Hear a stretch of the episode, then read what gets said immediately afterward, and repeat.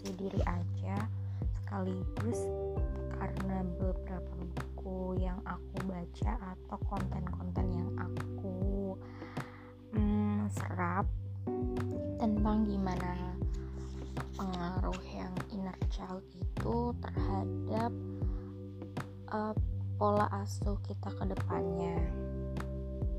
Dan pasti ada luka-luka batin yang uh, miliki dari kecil. Sadar atau enggak sadar ini adalah isu yang kita semua punya bahkan 3 per 4 dari populasi manusia menurut riset ini mereka tuh punya inner child. Entah itu inner child yang uh, cuman beberapa atau inner child yang kompleks.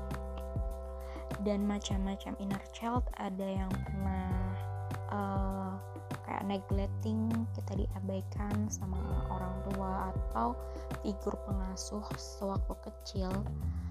Uh, ada juga um, abusive emotional abusive atau uh, kekerasan yang real melalui tangan dan lain sebagainya yang akhirnya waktu kecil itu kita serap sebagai memori yang menyakitkan. Karena waktu kecil kita belum bisa proses apakah hal apakah orang tua itu sayang atau tidak sayang. Cuman e, bisa memproses dua hal tersebut yang akhirnya kita serap dan e, kita ingat ketika kita dewasa Kenapa inner child itu terjadi? Karena kita menganggap kalau seorang figur pengasuh baik ibu atau ayah itu adalah figur yang uh, yang memberikan kita unconditional love uh, idealnya dan sebagai figur yang kita jadikan panutan kita jadikan contoh itu baik. Dan buruknya kita cuma bisa melihat dua hal hitam dan putih tanpa waktu kecil kita belum bisa memproses apakah itu tuh tindakan yang benar dan beralasan uh, dan lain sebagainya. Dan isu-isu itu uh,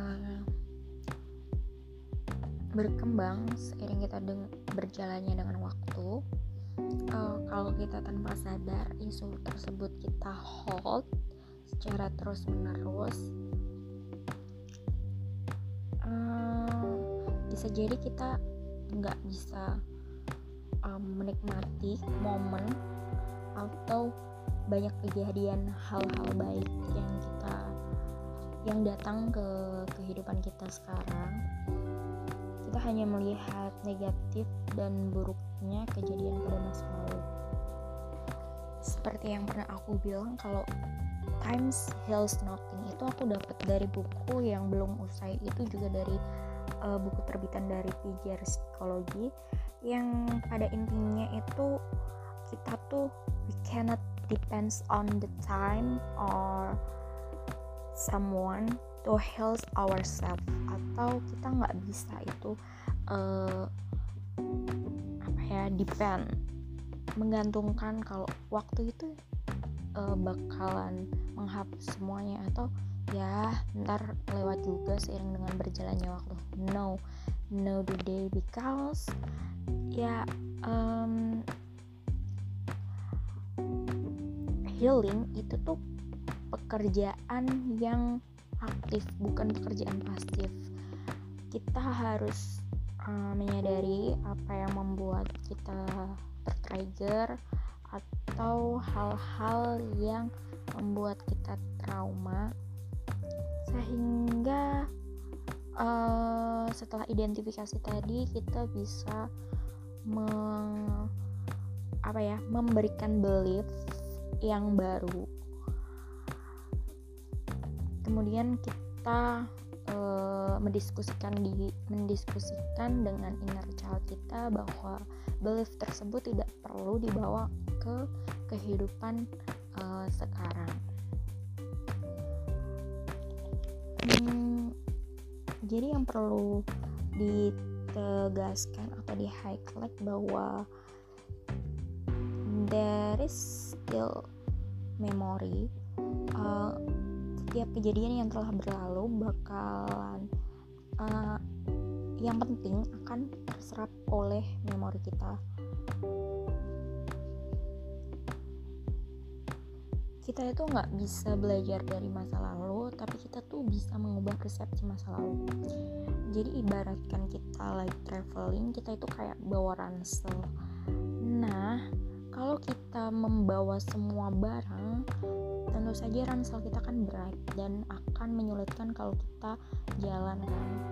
Mungkin filosofisnya kayak gitu. Jadi hmm, semakin kita menghold banyak hal uh, kita bawa ke mana-mana kita nggak letting go baik itu memori uh, yang buruk maupun em memori yang positif. Karena memori positif pun sering kali kita kayak mengcompare dan kita nggak bisa move on gitu loh sama memori positif. Misalkan kayak uh, mantan terindah. Nah kayak gitu.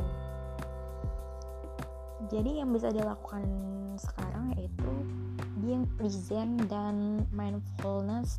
Apa yang sedang kita hadapi apa yang sedang kita jalani uh, orang-orang uh, yang ada di sekeliling kita saat ini uh, mensyukuri semuanya dan yang bisa kita lakukan mengubah persepsi uh, masa lalu yang membawa kita saat ini detik ini dan uh, gimana caranya kita bisa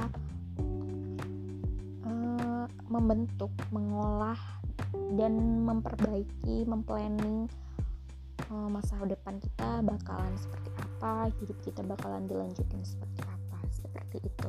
Terima kasih.